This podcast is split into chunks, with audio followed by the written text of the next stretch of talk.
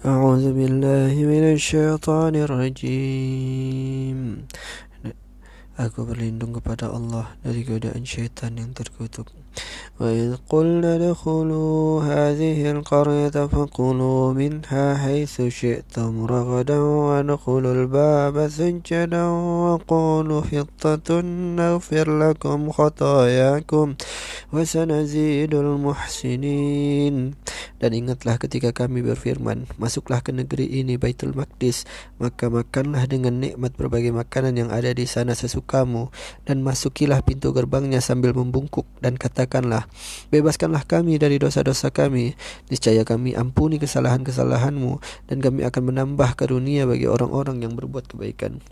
فبدل الذين ظلموا قولا غير الذي قيل لهم فأنزلنا على الذين ظلموا رجزا من السماء بما كانوا يفسقون Lalu orang-orang yang zalim mengganti perintah dengan perintah lain yang tidak diperintahkan kepada mereka.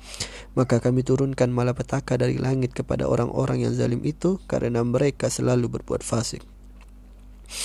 وإذ استسقى موسى لقومه فقلنا اضرب بعصاك الحجر فانفجرت منه اثنتا عشرة عينا قد علم كل أناس مشربهم قلوا واشربوا من رزق الله ولا تعسوا في الأرض مفسدين Dan ingatlah ketika Musa memohon air untuk kaumnya Lalu kami berfirman Pukullah batu itu dengan tongkatmu.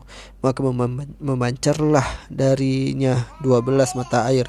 Setiap suku telah mengetahui tempat minumnya masing-masing. Makan dan minumlah dari rezeki yang diberikan Allah Dan janganlah kamu melakukan kejahatan di bumi dengan berbuat kerusakan.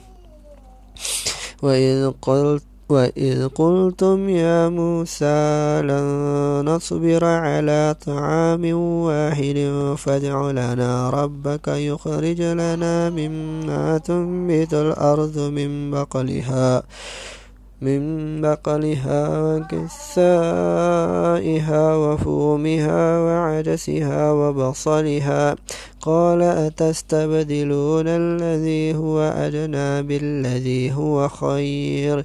اهبطوا مصرا فإن لكم ما سألتم. وضربت عليهم الذلة والمسكنة وباءوا بغضب من الله. ذلك بأنهم كانوا يكفرون بآيات الله ويقتلون النبيين بغير الحق ذلك بما عصوا وكانوا يعتدون Dan ingatlah ketika kamu berkata, Wahai Musa, kami tidak tahan hanya makan dengan satu macam makanan saja. Maka mohonkanlah kepada Tuhanmu untuk kami Agar dia memberi kami apa yang ditumbuhkan bumi Seperti sayur-sayur, mentimun, bawang putih, kacang adas dan bawang merah. Dia Musa menjawab Apakah kamu meminta sesuatu yang buruk sebagai ganti dari sesuatu yang baik? Pergilah ke suatu kota Pasti kamu akan memperoleh apa yang kamu minta. Kemudian mereka ditimpa kenistaan dan kemiskinan Dan mereka kembali mendapat kemurkaan dari Allah. Hal itu terjadi karena mereka mengingkari ayat-ayat Allah dan membunuh para nabi tanpa hak alasan yang benar. Yang demikian itu mereka durhaka dan melampaui batas. Sadaqallahul azim. Maha benar Allah dengan segala firman-Nya.